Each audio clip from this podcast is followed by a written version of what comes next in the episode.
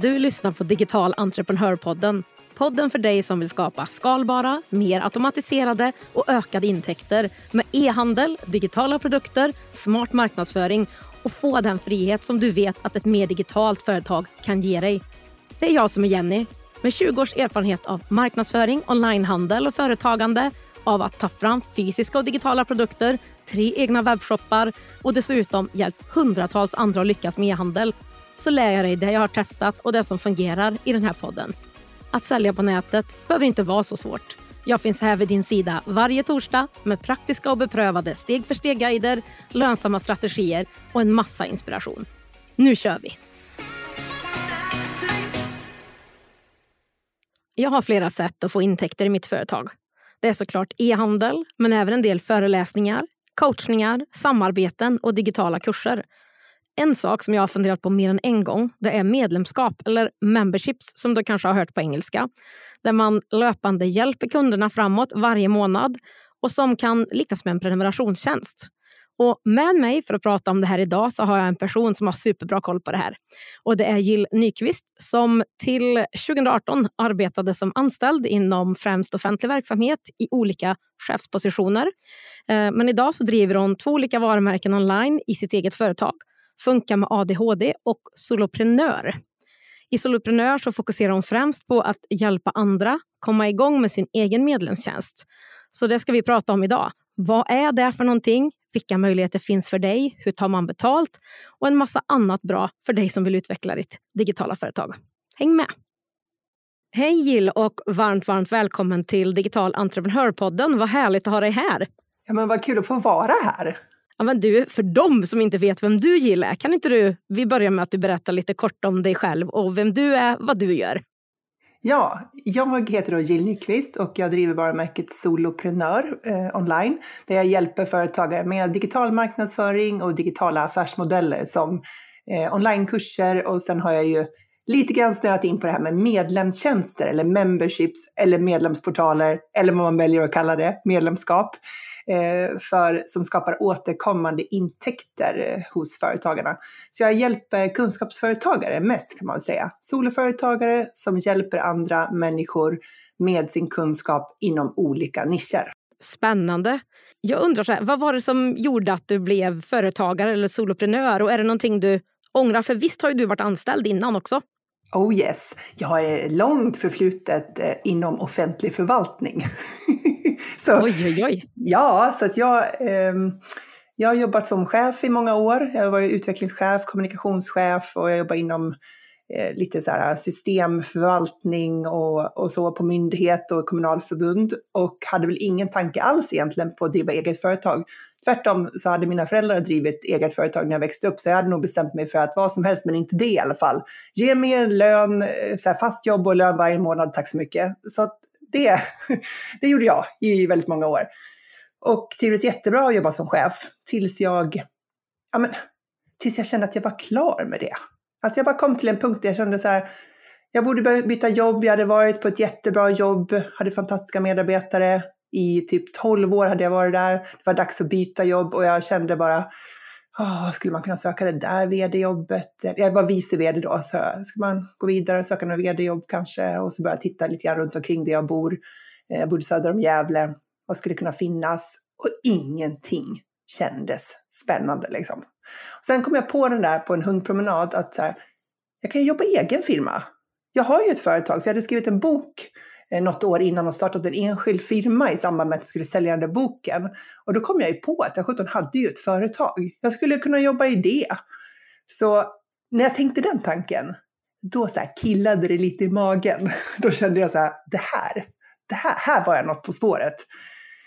Så det slutade med att jag sa upp mig från mitt eh, fasta jobb då som chef med en hög lön varje månad och gick ut och blev företagare på heltid utan några pengar alls och ingen kunskap i hur man sålde något överhuvudtaget. Hade aldrig sålt något alls. Så det, där började det. Det var mars 2018. Men vad spännande. Är det någonting du någonsin har ångrat eller hur tänker du på det nu några år senare? Nej, men jag tänker att det var det bästa beslutet ever. Alltså, jag, jag får lite grann så här nypa mig i armen ibland. För jag kan bli så här nöjd över jag tänkte på det, jag var ute och gick häromdagen och det var så här slaskigt och det var så här eh, vinter i sin sämsta form. Det är, här, det är inget väder alls och det blåste och det är ett hundbajsarna hade börjat komma fram på vägrenarna och det såg så himla illa ut allting. Och så kände jag så här, jag är så nöjd. Jag är så himla nöjd att jag kan gå här på dagen med mina hundar på en promenad och jobba i egen firma och gå hem till mitt kontor och sätta mig och jobba vidare. så, nej, jag är jätte, jättenöjd. Alltså det är jobbigt och det är utmanande, så jag menar inte att det är en dans på rosor, men, men eh, det, det är värt slitet. Det, det, här passar verkligen mig, i alla fall just nu. Man vet inte hur det ser ut om fem år, men eh, nu är det perfekt, jättebra. Ja, men av de erfarenheterna du har haft nu, då, sen du har ju haft företag då eh, ett antal år i alla fall. Vad tycker du är de största framgångsfaktorerna för att bygga ett lönsamt och bra företag online som man kan leva på? Jag tänker att, eh, att ting tar tid. Eh, att, att det kräver en viss uthållighet. Att lite eh, commitment säger man ju på engelska. Alltså man måste göra sitt åtagande. Att man ska få, att man ska göra det jobb som krävs för att nå ut på det sätt som behövs. Och jag, jag hade, alltså så här kan jag ärligt säga att hade jag förstått hur mycket jag hade behövt lära mig Ehm, då i mars 2018, om jag hade insett hur många saker jag behövde lära mig, då hade det nog kanske blivit lite matt i lacken innan jag ens hade börjat. För att jag, kom, jag, jag lämnade ett jobb som chef. Jag hade inte gjort någonting operativt på åratal. Jag hade haft ett team runt omkring mig jag kunde beställa saker ifrån och en IT-avdelning, en ekonomiavdelning och ja, du vet, stödfunktioner runt om liksom. Eh, och så skulle jag göra allting själv. Så att jag, jag har fått lära mig massor efter vägen och jag hade nog inte förstått liksom, vidden av vad som krävdes. För mig, det är olika vad som krävs, det beror på var man kommer ifrån. Men av mig då. Uh, och det kanske var lika bra att man får komma till insikt och lära sig stegvis. Så jag tänker att en lärdom det är liksom att här, man, man får hålla i och göra jobbet tills man har nått dit man vill. Och då handlar det bara om så här, är man beredd att jobba i den motvind som ofta är i början innan man har fått snurr på saker och ting. Exakt, ja, jag håller med dig. Jag känner igen det där. Och Det känns som det finns en bild av att liksom, bara för att man jobbar så här onlineföretagare, du är fri, du jobbar vart du vill, pengarna bara trillar in av sig självt. Alltså så är det ju verkligen inte, utan det är det här konsekventa jobbandet även när det känns som det inte händer någonting. Det är det som gäller. Precis, det är, det är inte så himla glamoröst man pratar om det.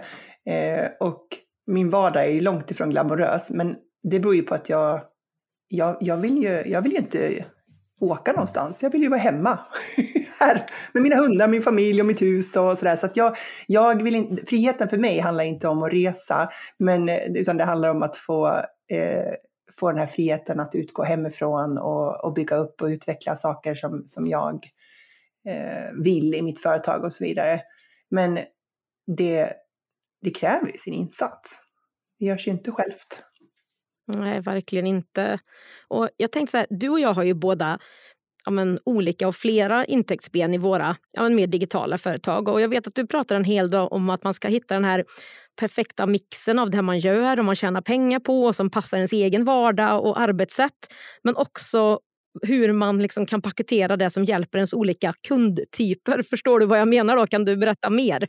Ja, men jag, jag, det slog mig liksom under hösten här att eh, jag ville skapa den perfekta mixen för, för mig i mitt företag. För ibland, eh, ibland hamnar man i saker i sitt företagande som, så här, jag tjänade mycket pengar under 2022 i mitt företag, men jag, det var rätt slitsamt. Jag jobbade väldigt, väldigt mycket.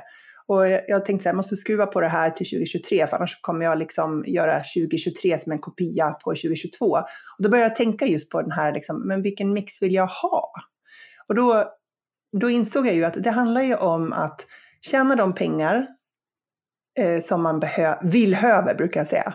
Både vill och behöver. Så de, tjäna de pengar du vill höver och sen eh, jobba på det sättet du vill, alltså ha de erbjudandena som, som du älskar att erbjuda och jobba på det i de arbetsformer som du vill, samtidigt som du hjälper dina kunder.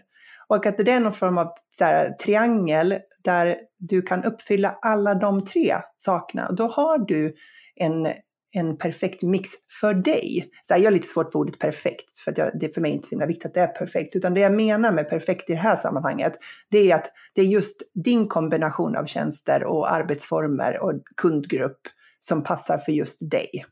Mm, precis, för det finns ju ingen fast man måste följa. Som, alltså jag vet När jag startade mitt så jag hade jobbat liksom i, som konsult, jobbat med marknadsföring och sånt innan. Så jag tror att jag trodde att det var så man gjorde och nästan blev konsult och eh, kände mig fortfarande fången i mitt eget bolag. Men jag inser ju liksom, desto mer jag hållit på att det är ju precis vad jag vill och hitta ett problem som jag löser åt en kund. Och sen är det ju bara att skapa det själv.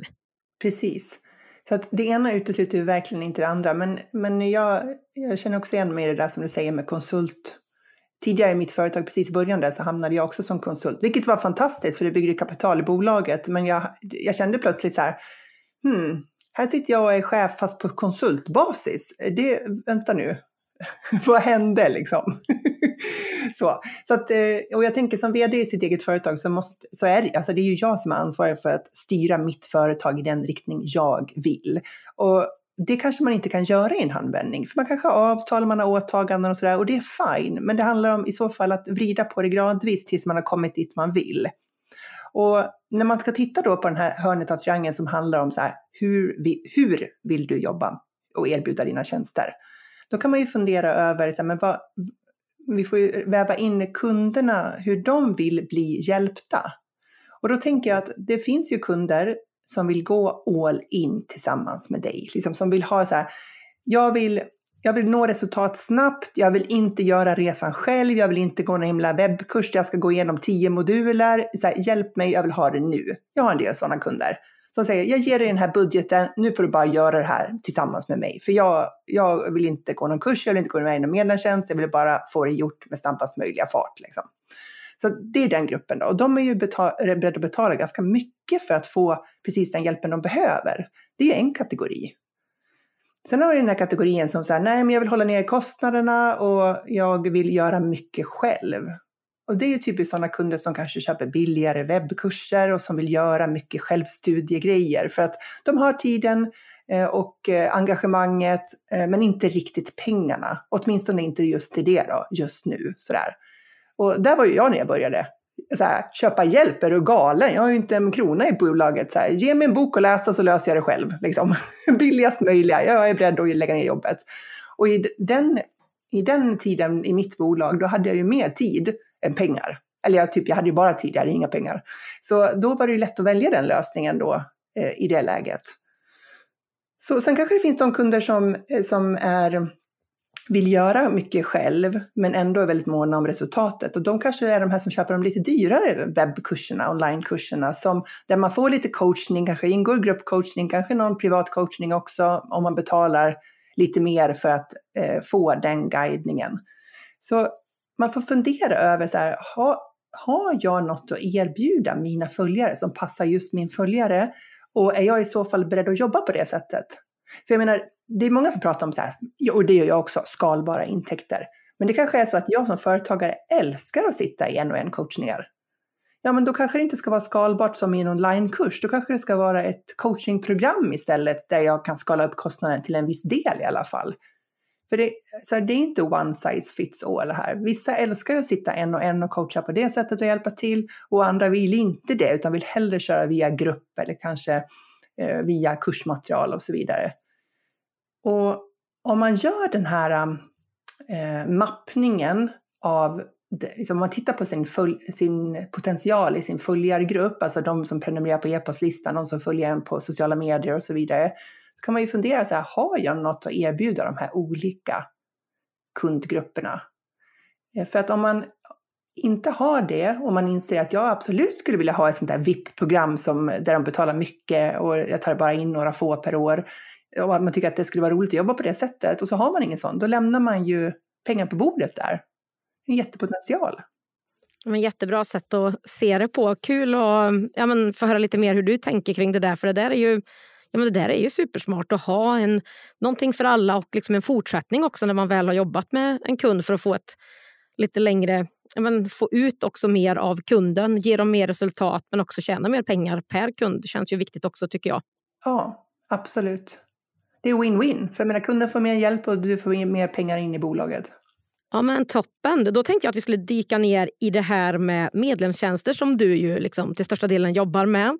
Och det grundläggande då, vad är en medlems, medlemstjänst eller membership eller vad det nu är vi ska kalla det för? Och hur tjänar man pengar på en sån då? Jag vet inte om det finns olika definitioner på det här, men så som jag tänker det så är liksom grejen med en medlemstjänst, det är att det är en prenumerationstjänst. Alltså att kunden gör en ett köp och det köpet rullar på tills kunden säger upp det. Så det är alltså inte att man köper någonting på en avbetalningsplan som har ett visst antal betalningar och sen går det ut. Då tänker jag att det är ett program eller att det är en kurs eller någonting. Utan det är just det att det finns en, ett pågående eh, åtagande mellan dig och kunden tills kunden väljer att avsluta. Och då kan det ju vara så att man har månadsplaner, kvartalsplaner eller årsplaner. Men den här årsplanen då, om vi säger att man har det, den förnyas automatiskt om inte kunden har valt att säga upp det. Det tänker jag är en prenumerationstjänst. Och eh, poängen för kunden med en prenumerationstjänst, tänker jag, det är flera saker. Men dels är ju det här att man får det här löpande stödet i vardagen att omsätta det man har lärt sig i praktiken. Eh, jämför man med om man, om man som kund då går en onlinekurs så får man stöd under den perioden som kursen går. Vi säger att det är åtta veckor eller tolv veckor. Och eh, då är det ganska högt tempo, man lär sig mycket under de här 12 veckorna och efter det så förväntas man ju sen omsätta det där i praktiken. Liksom. Då ska man gå från ord till handling. Och då är kursen slut. Då har man ju inte det där stödet längre.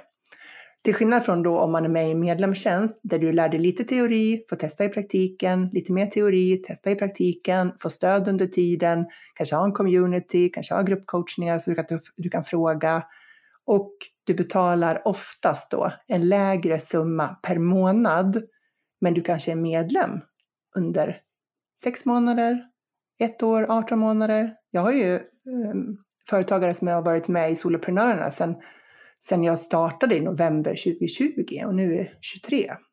Och det är din medlemstjänst va? Ja, det är min medlemstjänst för företagare. Så liksom det är ju återkommande intäkter då, som är också de stora fördelarna kanske för ja, företagaren då, som har den.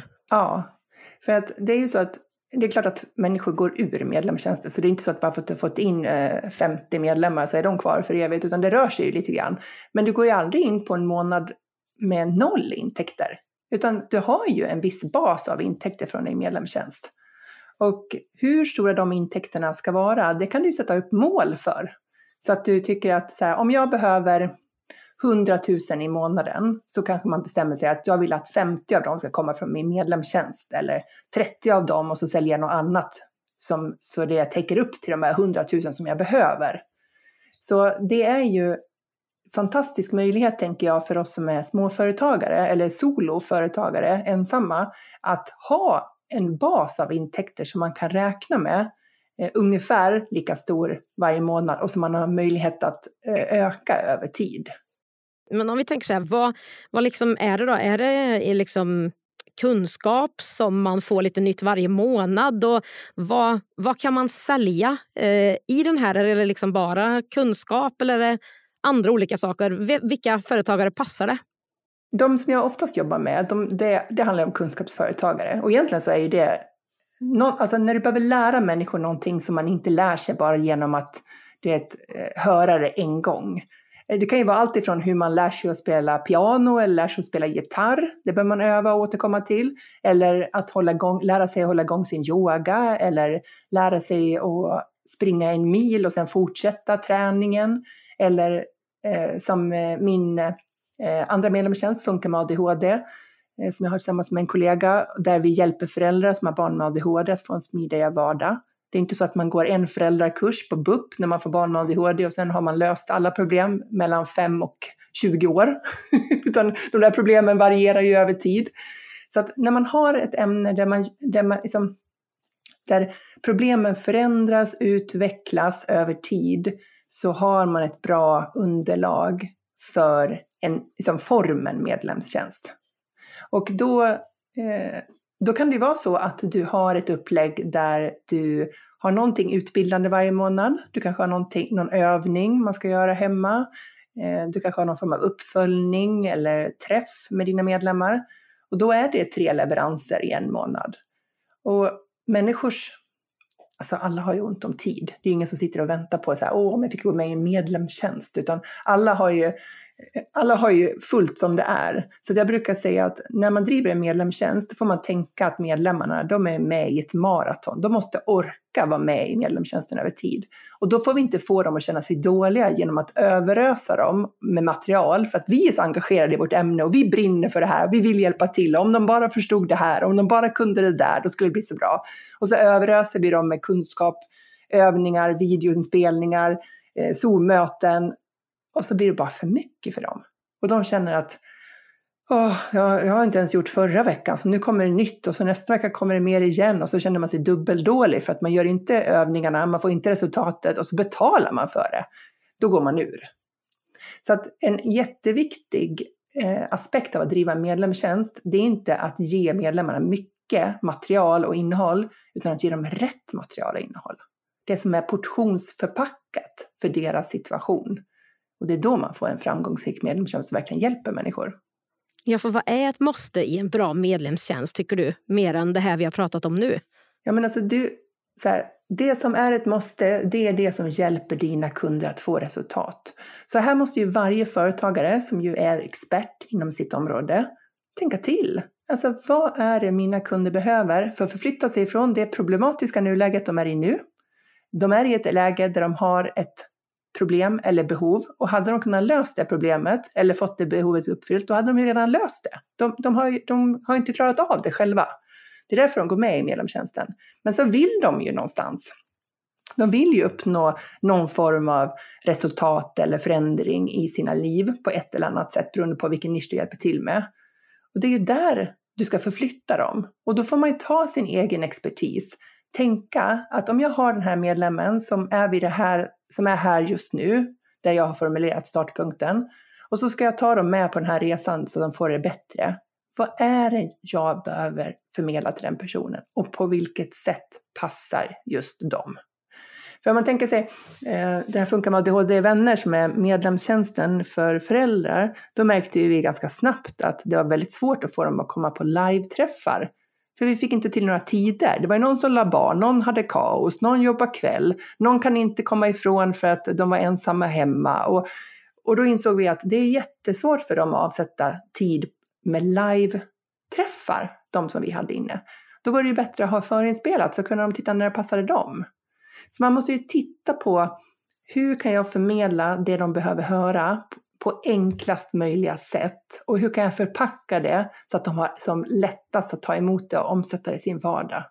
Det är vad man ska ha i sin medlemstjänst och det måste man komma fram till som expert inom sitt område.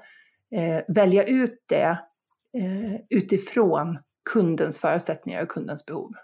Ja, men Det låter ju superklokt och liksom inte bara slänga in en massa kunskap för att man kan utan för att ta de snabbaste vägen på bästa sätt. Det är det de vill ha betalt för. Annars kunde de ju suttit och googlat själva också och försökt och försökt. Så det låter ju jätteklokt tycker jag, Jill. Absolut. Jag menar, det, alltså, det råder ju ingen brist på kunskap. Man kan ju typ googla allt. Man kan ju eh, man kan bygga upp ett helt företag online med det du kan lära dig på Google och på Youtube. Men vi orkar ju inte det. Alltså vi behöver ju guidningen. Någon måste ju visa vägen och säga först gör du det här, sen gör du det här. Åh skönt, då gör jag det. det är det vi betalar för. Och Jag kan bara tipsa om det också att Jill har ju också en egen podd som heter Soloprenörpodden med över 100 avsnitt. Och Den kan jag verkligen rekommendera dig om du är intresserad av företagande online eller du vill veta mer om medlemstjänster. Och där hittade jag avsnitt 47 av den podden eh, som jag kommer länka till under poddavsnittet som var mer inriktat på medlemstjänster. Så bara ett litet tips längs vägen här också.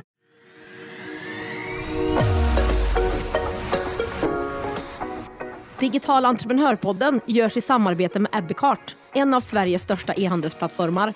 Ebbecart vill ge alla möjlighet att starta och driva en grym webbshop och är den plattform jag själv använder och rekommenderar för dig som vill starta din e-handelsresa. På ebbicart.se kan du testa, bygga och till och med börja sälja i din e-handel under 30 dagar innan det kostar en enda krona. Kom igång direkt på ebbicart.se. Jag tänker Jill, hur, hur ska man tänka kring att ta betalt då för sin medlemstjänst per månad, per år och hur vet man hur man ska prissätta sitt erbjudande? Ja, hur vet man det? Ingen aning. Eh, eh, man, så här, man kan ju börja med att konstatera att det finns olika sätt att ta betalt för. Du kan ha på månadsbasis, du kan ha kvartal eller årsbasis. Det är säkert de vanligaste. Jag tänker att man kan välja både och. Man kan ha en månadsplan och man kan ha en årsplan. Och tänk, de som väljer då att teckna en årsplan kan ju få någonting för det då. Och ofta så tror jag att alltså en vanlig bonus man får det är att man betalar för 12 månader. Eh, nej, man får 12 månader men betalar för 10. Alltså man får två månader gratis när man betalar hela summan på en gång. Så det kan ju vara ett incitament att få människor på årsplan. Eh, sen månadsplan, då kan man ju säga upp det när som helst. Det är ju som ett eh, Spotify-abonnemang liksom. Så här, säg, säger upp det bara och så går det ut efter den perioden du har betalat för.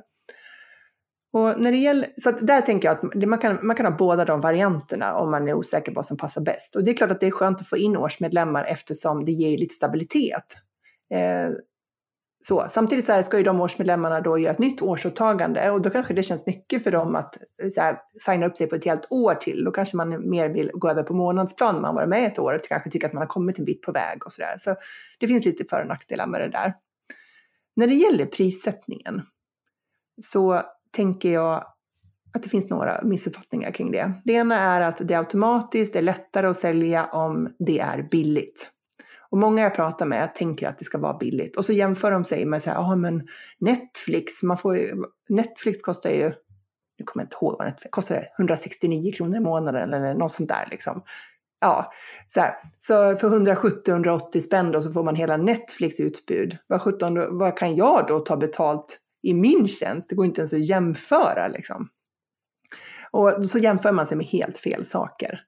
För att det finns alltid alternativ för hur människor kan lösa sina problem. Men skälet till att de väljer just dig, det är för att de vill hänga med just dig. De gillar det sättet som du uttrycker dig på, de förstår vad du menar, de, de gillar ditt resonemang och hur du pratar om saker och vad du lyfter fram och vad du fokuserar på.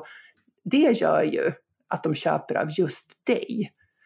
Och då måste ju du titta på priset och titta på så här, är det en privatperson? Är det en företagare? För det är så här, är det med moms eller plus moms? Det är ju ganska stor skillnad om du ska sälja, för en privatperson betalar ju med moms, fast du får inte momsen. Eh, medan en företagare betalar utan moms och du kan tänka bort den helt. Det gör skillnad på pris. Och så kan man ju titta lite grann och vi säger att du har en yoga ett yogamedlemskap då, då finns det ju väldigt många andra som erbjuder det. Så du vet ungefär, alltså du kan kolla så här, vart ligger det mellan? Ligger det på 3000 kronor i månaden eller ligger det på 300 i månaden liksom? Och så tänker jag att man ska, när man lanserar sin medlemstjänst så ska man tänka att man lägger sig lägre än det önskade slutpriset. Så jag tänker som jag på Soloprenörerna, nu kostar det jag lanserade Soloprenören på 599 med tanken om att det skulle kosta 1495. Och nu ligger jag på 899 och har legat där ett tag. Och skälet till att du vill lansera på ett lägre pris än du sen vill sluta på, det är ju att du ger dem som är med och bygger upp din medlemstjänst en möjlighet att få en riktigt bra deal. Så här, gå med nu, det är premiär och du får behålla ditt pris så länge du väljer att vara medlem. Så det innebär ju att när du sen höjer ditt pris, då ligger de kvar där på sitt låga pris och känner att de har en riktigt bra deal i din medlemstjänst och vill inte gå ur. För att om de går ur och går tillbaka, då får de ju det nya priset. Så att du vill ha en möjlighet till en trappstegsmodell vad det gäller prishöjningar. Så att eh, siktar man på ett pris så sikta inte för lågt, för det är inte jättelätt att sälja billiga saker heller. Eh, så att då, då är det bättre att du, du ligger på en nivå som är rimlig men ändå lite lägre än vad ditt slutpris är. Så skulle jag säga om man ska ha resonemanget kring prissättning. Sen vad det är för bransch påverkar ju sen vad, vad själva priset är. Ja, men det är ett jättebra tips tycker jag. Och jag kan själv uppleva liksom med kurser och sånt där att man får ju lite också den målgruppen och ambitionsnivån som man sätter pris också. Är det för billigt eller väldigt billigt så får man ju de här som vill ha billiga saker, göra någonting lite snabbt men kanske inte det här långsiktiga engagemanget som faktiskt ger det resultat som jag vill att mina studenter ska få. Jag vet inte hur, det är, hur du tycker kring medlemstjänster? Ja, men det är precis samma sak. Ehm, för att det kan bli faktiskt tokigt där. Jag tänker när vi lanserade Funka med ADHD då i januari 2019, då, då tänkte jag att vi skulle få in 1000 medlemmar, så vi tog 99 kronor i månaden, det var med moms då. Första månaden hade vi tjänat 198 kronor. Man skrattar hela vägen till banken. Och, och vi kände så här, oj, oj, vi trodde att alla bara skulle strömma in för att behovet är ju så stort och så här, varför har vi inte liksom 100 medlemmar på en gång? Så det visade sig att det var inte jättelätt ändå att sälja någonting som kostade 99. Så att då efter tre månader eller fyra, så då höjde vi helt enkelt till, till 199, alltså vi fördubblade priset. Och det gjorde ju varken till eller från för själva försäljningsarbetet. Det blev inte svårare att sälja någonting för 199, det var fortfarande en väldigt billig tjänst. Men det som hände när vi hade 99, det var att vi fick in människor som hade eh, mycket, mycket större behov av hjälp än vad vi kunde ge dem. De hade inte förmågan att omsätta det vi lärde ut i sin egen vardag, för de behövde mycket mer stöd. Så det var ingen bra matchning. Vi, vi var inte rätt för dem. Och så kan det ju bli när man, eh, när man tänker att man ska ha för lågt pris. Det blir inte en bra matchning. Alltså en stor del tänker jag av ett medlemskap det är väl nätverket med de andra medlemmarna också för de som går med. Eh, har du alltså jag tänker teknik och plattform. Har du byggt in nätverkandet och nätverket i en plattform där materialet finns eller använder man en Facebookgrupp eller något annat för det? Hur, har du något tips kring det? Eh, ja, alltså jag började, jag har ju kursportalen New Sendler och den hade ju en community-funktion när, vi, när jag startade upp Soloprenörerna. Så första månaden, då tänkte jag tänkte så här, vi testar den. Och så de som gick med då första svängen, vi var i communityn som var inne på kursportalsplattformen då. Och sen efter en månad så kände jag att jag kroknade lite grann på den där communityfunktionen för den var så, den var så basal liksom. Det, det kändes som att det, man, den kändes inte bekväm att vara i. Det, var, det saknades saker, funktioner och sådär. Så jag frågade de som var medlemmar då, så här, tycker ni att det här är bra eller tycker du att vi ska flytta över på i en Facebookgrupp istället? Och majoriteten var ju så här, vi går till Facebook. så, och det, så kände jag också. Så att jag är faktiskt i en Facebookgrupp nu och har kört sedan dess eh, det. Så att där har jag communityfunktionen. Men jag tänker att det där är ju lite grann beroende på vilken målgrupp man har. Det är allt fler och fler också nu som väljer bort Facebook, alltså som så aktivt säger jag vill inte vara på Facebook. Och det beror ju på vilka man vänder sig till tänker jag, så kanske det finns anledning att ha en community som inte är på Facebook. Det där är ju alltid lite svårt att bestämma och beröra och det kan ju vara att det är känsligt, man vill inte dela det sådär heller. Så att, eh, ja, nej, men vad spännande, lite nyfiken på det. Och sen en fråga som vi lite har varit inne på också som alltid är aktuell när det gäller medlemstjänster misstänker jag, det är ju hur man på bästa sätt gör för att behålla kunderna i medlemskapet så länge som möjligt. Men det, det, allra bästa sättet att behålla människor länge, det är att göra dem galet nöjda.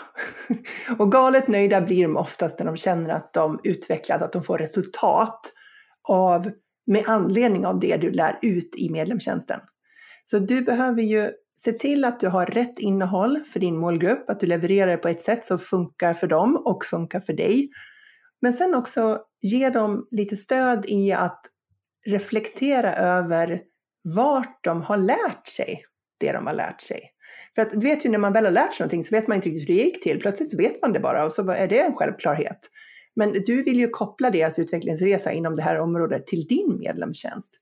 Och då kan man ju göra det genom en sån enkel sak som att det är en reflektionsfråga i en Facebookgrupp som frågar så här, eh, vad de har liksom, lärt sig under veckan eller som kanske följer upp det temat man har jobbat med eller någonting. Alltså ett utrymme för dem att tänka till lite grann och koppla sin egen utvecklingsresa till det innehållet som du har i din medlemstjänst.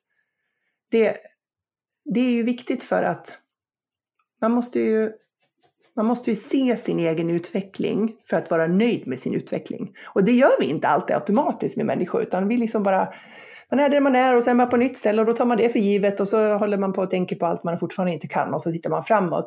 Ibland måste man titta bakåt och då kan vi hjälpa till med sådana saker.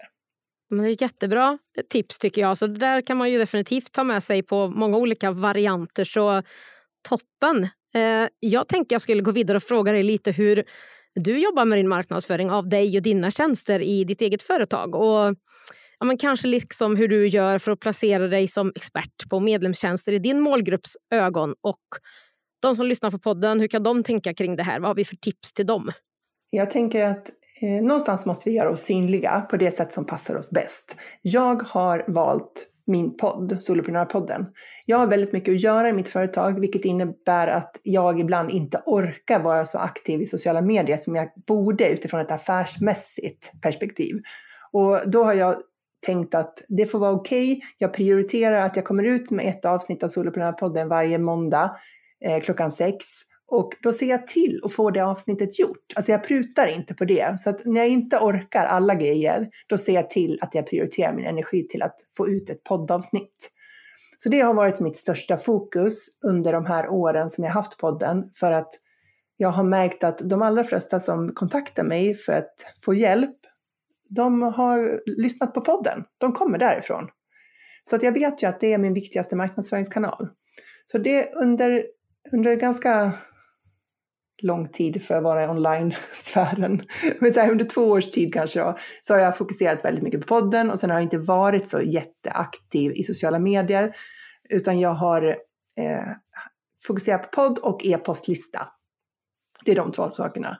Nu, sen ett halvår tillbaka ungefär, så har jag tagit hjälp med mitt företag. Så nu har jag en eh, VA, en virtuell assistent, som hjälper mig med marknadsföringen. Och det är klart att det är mycket lättare att få ut trevliga inlägg på Instagram och LinkedIn varje vecka när man har någon annan som gör det åt en. så så nu, nu är jag ju bättre än någonsin, men det är inte min förtjänst, utan jag har ju fått hjälp nu då. Och jag har ju så mycket innehåll, som, jag har ju liksom släppt över 130 avsnitt av Soloprenörpodden, så det finns ju så mycket jag kan plocka upp från den och bara tipsa om ett avsnitt som jag gjorde för 18 månader sedan kanske, som fortfarande är relevant.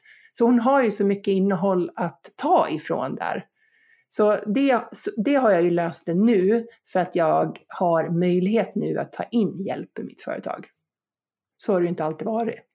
Nej, man får ju göra det man kan. Men jag gillar också att du liksom så försöker vara bra på en kanal och istället för att vara ett litet inlägg där och ett litet inlägg där som aldrig kommer att få något genomslag på till exempel ja, men, Instagram eller någonting så lägger du dig ändå istället och seriöst satsa på en kanal där du då ligger i topp istället och levererar varje vecka och det här jämna som bygger varumärke, bygger listan och allt det här. Och det är ju mycket, mycket bättre än att vara överallt tycker jag.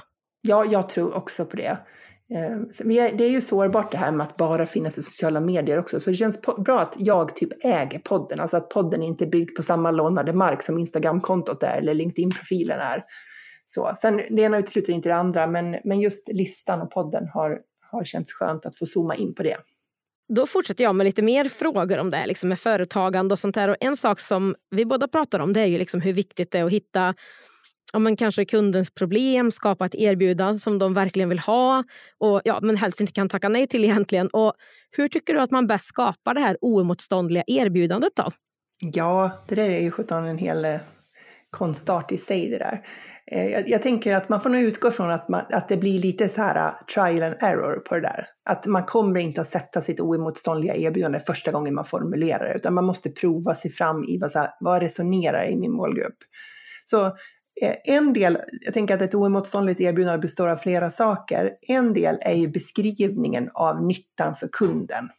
Och här är vi ju ofta lite för försiktiga, för då blir vi oroliga så här, oh, men tänk om de inte kan få den här förändringen, tänk om jag lovar för mycket, tänk om de blir arga och missnöjda för de inte alls bla bla bla sådär. Så då, då tonar vi ner eh, transformationen som är möjlig eh, eh med det här erbjudandet. Så det, det är väl en sak att fundera på. Så här, så här, hur kan du bäst beskriva nyttan för kunden utifrån kundens perspektiv?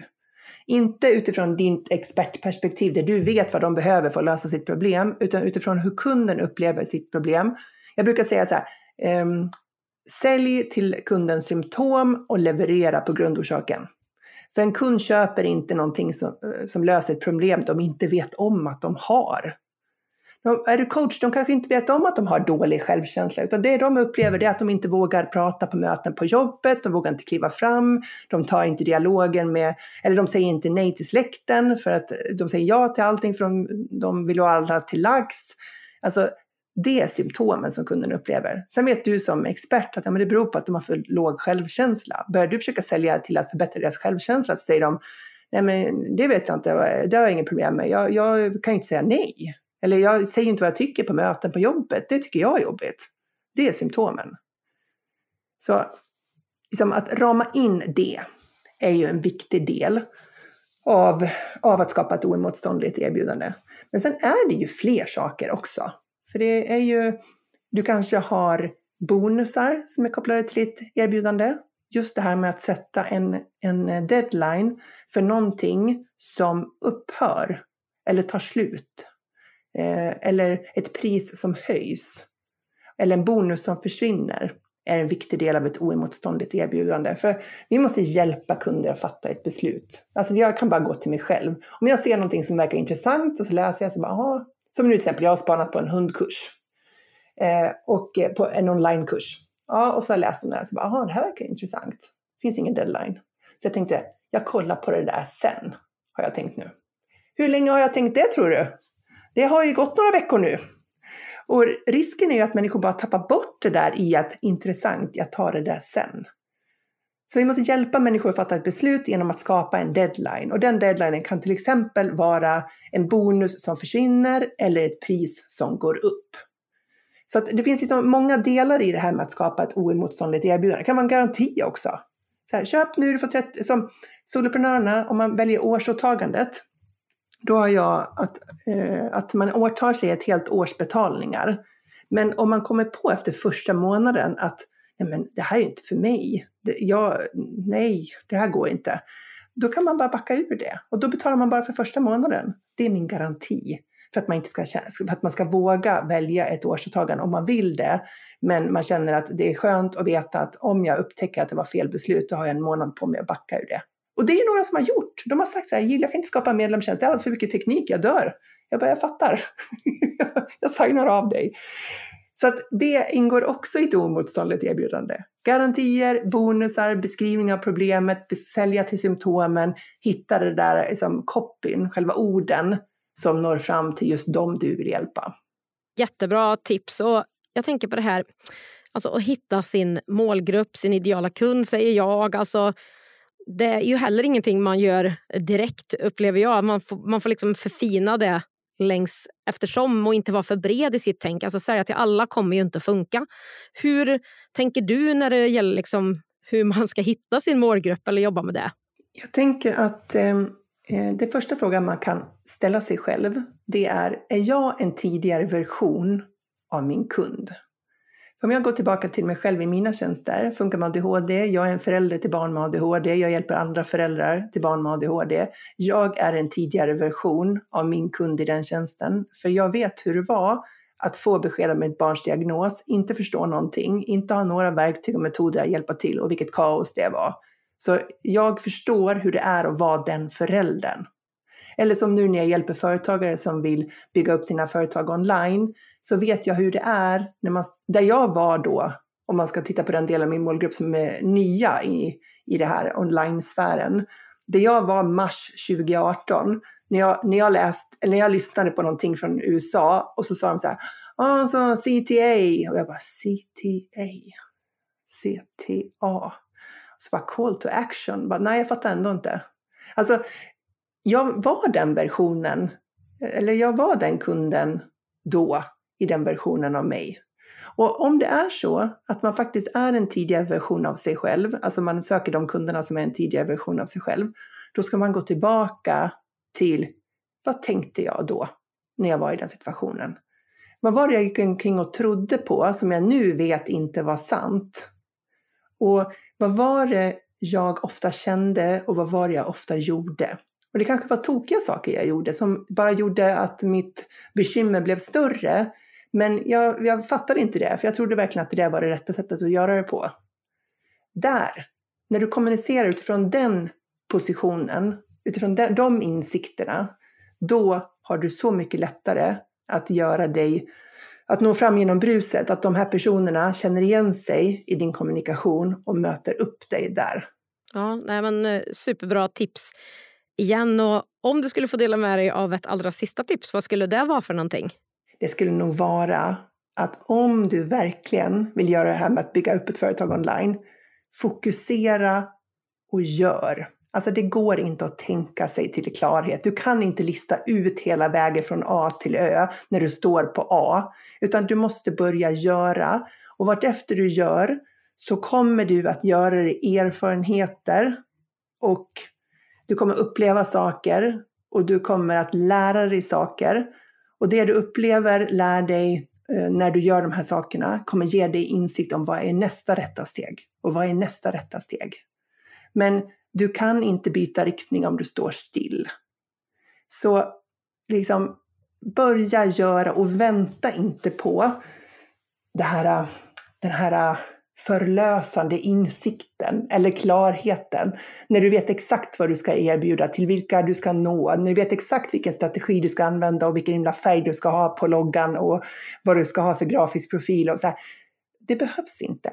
Du måste börja innan du har allt det klart, för det, det, är det, det är görandet som du skapar i de insikter du behöver för att ta liksom, nästa steg jag håller med dig till tusen procent. Eh, kan du inte ha sagt det bättre själv. Fantastiskt, Jill. Det, det är precis så det är. Så står man där och funderar och väntar och tänker om jag ska eller om jag borde. Om jag visste det här bara så kan jag det kommer ju aldrig. Utan man får ju skaffa sig det genom att göra helt enkelt.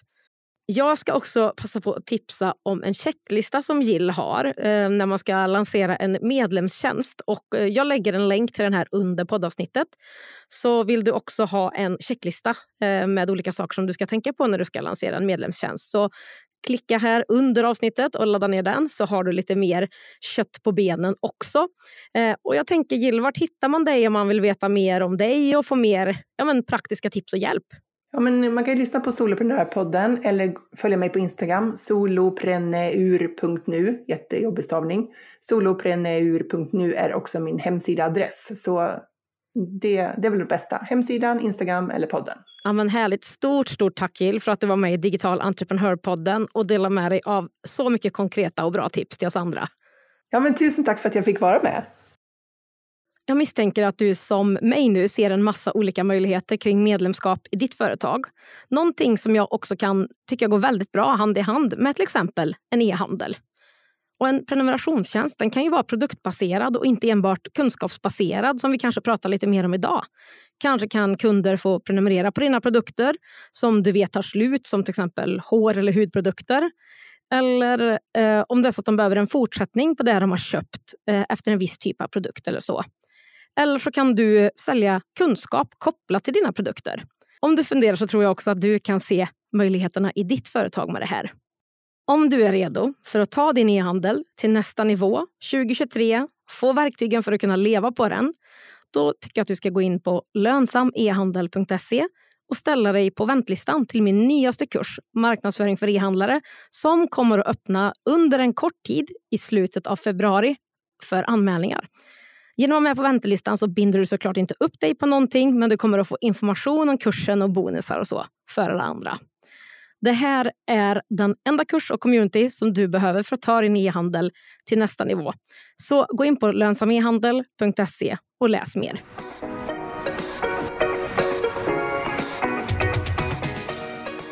På digitalentreprenör.se podd hittar du länkarna till det vi har pratat om idag, fler poddavsnitt och kan läsa mer om poddens samarbetspartners, e-handelsplattformen Abicart.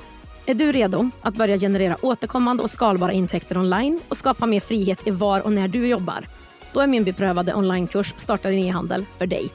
Det är dina exakta steg för steg och allt du behöver för att starta och lansera en lönsam e-handel oavsett om du har ett företag eller inte.